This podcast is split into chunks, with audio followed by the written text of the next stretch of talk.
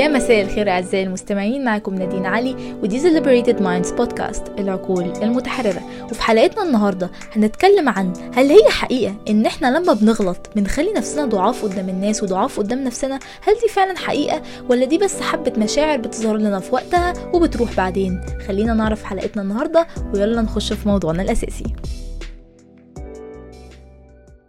حتة إن أنا أبقى خايف إني أبقى مش perfect أو خايف إن أبقى مش كامل أو مثالي.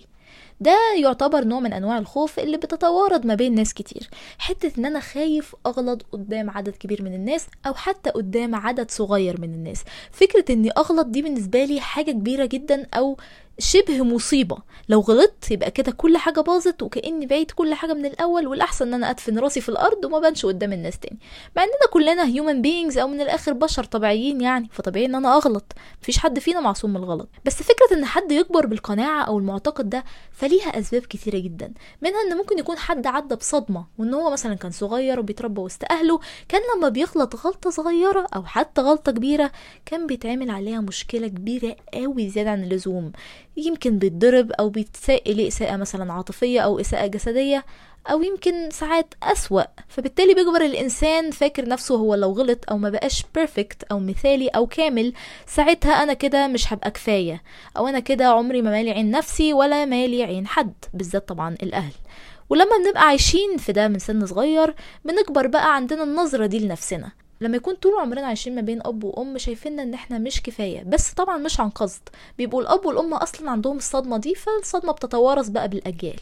فكرة إن بابايا ومامتي شايفيني كل ما أجي أعمل حاجة بدل ما يشجعوني يفتخروا بيا بيقولوا لي لا لا في أحسن من كده. لا لا في أحسن من كده. ظنا إن هم بيشجعوني بس في الحقيقة كل مرة بسمع الكلمة دي بحس نفسي مش كفاية. ففكرة إحساسك إنك مش كفاية دي تبقى ساعتها طبيعية جدا. إن أنا اتربيت في البيئة دي أو المحيط ده في معظم حياتي فبالتالي كبرت دايما بفكر في نفسي مش كفاية وأكتر حاجة بتحسسني إني مش كفاية هي إني أغلط. خليني أحكي لكم كده قصة صغيرة عن لسان واحدة صاحبتي. كان ليها زميل شاطر جدا في المدرسة وكان عندهم presentation أو يعني جايين يلقوا حاجة مهمة جدا في الدراسة بتاعتهم والشخص زميلها ده بجد كان شاطر جدا كان A student يعني أو بيجيب اللي هو امتياز دايما. ففي مرة بعد ما خلصوا ال presentation وطبعا هي حست نفسها ما عملتش حلو جدا كان صديقها ده قال لها أنا عايزة أقول لك على سر. فقالت له إيه؟ قال لها صراحة أنا جبت B يعني جيد جدا المفروض دي حاجة كويسة يعني. فقالت له آه دي حاجة حلوة. قال لها بس ساعتها أنا كنت هموت من الخوف وفكرت في الانتحار لأن بابايا لو عرف إن أنا جبت B هيعمل كارثة هيعمل فيلم. بس بعديها بعد ما قعدت مع نفسي وفكرت قلت هي هي حياتي فعلا أضيعها عشان خاطر نتيجة ولا أضيعها عشان خاطر أبقى دايما شكلي مثالي؟ وهي مش صدفة إن كل الناس شايفاني فعلا مثالي بس ده من بره. بس أنا من جوه بتقطع لأني مليان غلطات وده الطبيعي. لما كبرت في السن ابتديت أفهم الموضوع ده أكتر وابتديت أتقبل أخطائي أكتر وأشوف إن أخطائي دي حاجة أتعلم منها إن أنا أبقى أحسن أكتر ما هي حاجة بتدمر لي أو أكتر ما هي حاجة ليها علاقة بالهوية بتاعتي إن أنا معيوب أو إن أنا مش كفاية. قصة صغيرة زي دي ممكن تكون بتحصل في بيوت كتير أو بتحصل مع ناس كتير. فكرة إن أنا أغلط أو مبقاش مثالي أو مبقاش جدير بالمستوى اللي أهلي وصحابي والناس اللي حواليا حاطيني عليه. لو أنا وصلتش للمستوى ده يبقى أنا إيه؟ مش كفاية صح؟ ملهاش تفكير تاني ساعتها. فلما أنا أبقى عايش حياتي معظمها كده بالتالي أي غلطة هعملها أشوفها إن إيه؟ مش كفاية برضو. طب يا ترى إيه مثلا الأعراض اللي ممكن يعني أو إيه الحاجات اللي ممكن تحصل لإنسان حاسس نفسه مش كفاية وخايف من الأخطاء دايما؟ الأعراض ممكن تكون الغضب المستمر مثلا أو إن أنا أحس إن أنا حصل لي burnout إرهاق نفسي. ما أنت عمال تجلد ذاتك وعمال تشتغل 24 ساعة عشان تثبت قد إيه أنت جدير وقد إيه أنت ما بتغلطش وقد إيه أنت كفاية. بس من كتر ما بتحاول تثبت ده أنت بتضيع نفسك. مش بترتاح نفسيا مش بترتاح جسديا بتفضل تفحت نفسك شغل أو تفحت نفسك شغل على نفسك حتى نفسي أو جسدي أو واتس لدرجة إن أنت بتوصل لمرحلة الاحتراق النفسي. ومش بس النفسي ساعات الجسدي. كل ده بس لمجرد الناس بتني كفاية. طيب لو أنا بعاني من كل ده أتعامل بقى معاه إزاي؟ أتعامل مع إحساسي إني مش كفاية بسبب إني خايف أغلط وبسبب إن أنا بسعى للكمال إزاي؟ أول حاجة لازم أقلل العار اتجاه الخوف. في ناس بتخاف من الخوف أنتوا متخيلين؟ هم خايفين يخافوا. مع إن الخوف هو عاطفة أو مشاعر طبيعية من البني آدم ومعظم الناس بتحسها. بس في ناس لما بتحس الخوف أنا مش المفروض أخاف. أنا المفروض أجمد قلبي وأبقى فيرلس لا أخاف والشجاع مع إن الخوف ده emotion طبيعية أو عاطفة طبيعية. وكلنا عندنا مشاعر خوف ومشاعر at some point بنكون فيها. عندنا الشجاعة إن إحنا نعمل حاجة معينة. الفكرة كلها إن إحنا نوازن ما بين الاتنين. مفيش حاجة اسمها أعدم الخوف خالص أو أعتبره كأنه مش موجود أو أحاول أقتله عشان ما يبقاش موجود. الخوف هو عاطفة هتبقى موجودة طول حياتنا عشان تحمينا من حاجات بتبقى ممكن تعرضنا للخطر. الفكرة إن إحنا نفهم إن الخوف ده مش ضعف. الخوف هو فرصة للنمو. الخوف موجود في حاجات كتيرة يومية في حياتنا زي عدم التأكد إن أنا قلقان النهاردة هيحصل إيه. ما فعلا إحنا ممكن نموت في أي يوم. فحقي أو طبيعي إن أنا أبقى قلقان النهاردة ممكن يحصل إيه؟ أو أفكر في صحتي أو أفكر في إن أنا أحمي نفسي من حاجة وأنا ماشي في الشارع مثلا. الخوف برضو يعتبر بيحصل في التغيير. خايف إن صحابي يتغيروا اتجاهي مثلا تصرفاتهم تتغير. فساعات بعمل تصرفات ببقى مش عجباني في نفسي. فالناس بتخاف من عدم التأكد والتغيير مش الحاجتين دول بس كمان في حاجتين تانيين. الناس بتخاف من المعاناة. خايف أعاني في حياتي. مفيش حد عايز يتوجع في الحياة. فبالتالي طبيعي إن إحنا نخاف من المعاناة. وأخيرا وليس آخرا آخر حاجة بنخاف من الانتباه. تخيلت أو تخيلي نفسك ماشيين مثلا في حتة معينة وفجأة الناس كلها سابت كل حاجة ومركزين معاكم ده طبعا ما بيحصلش بس تخيلوا معايا كده. تخيلوا مدى الخوف اللي أنتوا هتكونوا فيه. طب الخوف ده موجود ليه؟ عشان إحنا بنفكر في أحكام الناس علينا وبنقيم قيمة نفسنا على حسب أحكام الناس دي. مع إن قيمتنا مش بناخدها من الناس بس لو بناخدها من الناس هنبقى في أشد الرعب وأشد الخوف. تاني الخوف فرصة للنمو وليس نقطة ضعف أو ضعف شخصية. وتاني حاجة ممكن نعملها عشان نحسن الموضوع ده شوية أو خوفنا من الأخطاء يقل شوية وإن إحنا نعرف القيم بتاعتنا إيه.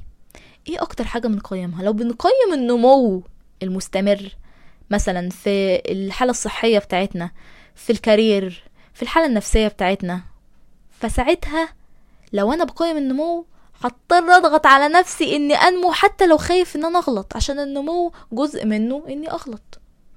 لازم هيحصل لي فشل. بس مش معنى إني فشلت يبقى أنا أنا ذات نفسي إنسان فاشل. هي الغلطة مش بتقول عليا إن أنا إنسان مغلوط أو غلطان زي ما ناس كتير قوي بتقول لناس تانية. أنت غلطان إنك عملت كده. لا. ده غلط. سلوك غلط حصل منك. هل ده يقول إن أنت ذات نفسك إنسان كلك على بعضك كده مش نافع ومغلوط؟ أكيد لا. تالت حاجة ممكن تعملوها وهي الوعي بالأفكار. ما هي المشاعر بتطلع منين أصلا؟ المشاعر بتطلع من الفكرة. لو أنا بفكر في نفسي إني مش كفاية فهتحصل لي مشاعر حزن مثلا أو غضب أو خوف على حسب كل واحد والتاني. بس لو مسكت الفكرة قبل ما تطلع فيا المشاعر ساعتها الفكرة مش هتأثر عليا وهبقى عارف إن الفكرة مش أنا. مش لازم استجيب لكل الأفكار بتاعتي. الأفكار كلها من خبراتي الماضية وخبرات الناس التانية. فبالتالي الأفكار مش مركزة على الوقت الحالي ولا بترتب للمستقبل.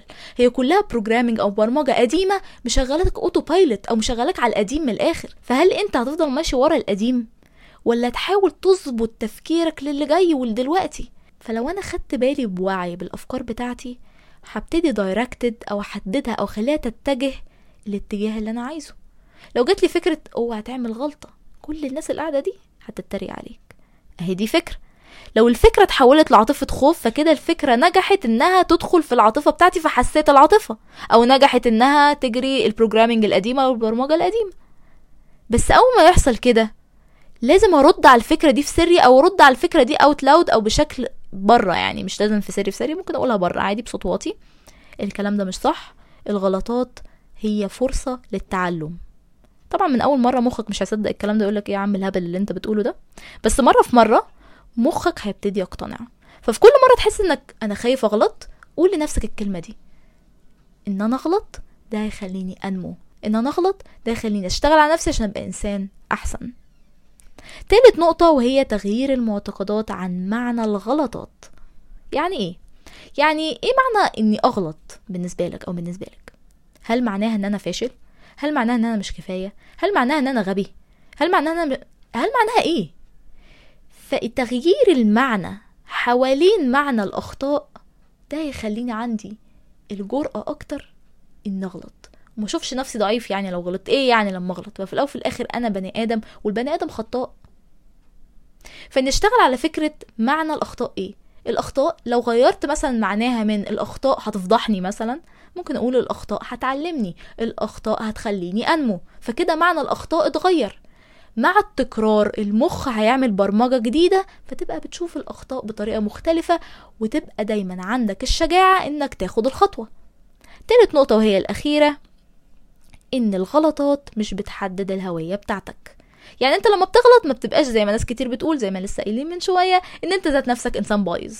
إنك انت تغلط دي حاجة طبيعية لأنها جزء من البني آدم وإحنا كلنا مش بيرفكت وحتى يعني على عصر ال social media اللي إحنا فيه لما كل الناس تنزل كل حاجة حلوة بيعملوها في حياتهم بتفتكر إن هم perfect بس تيجي تتكلم معاهم بقى عادي conversation ما بينك وبين الشخص ده in person أو بشكل شخصي هتلاقي إن فيهم غلطات كتيرة قوي. وده الطبيعي لأن كلنا كده. كلنا فينا غلطات. أشهر الناس اللي أنت بتحبهم أو أشطر ناس في مجال معين أو whatever برضه بيغلطوا عادي لأن هم بني آدمين.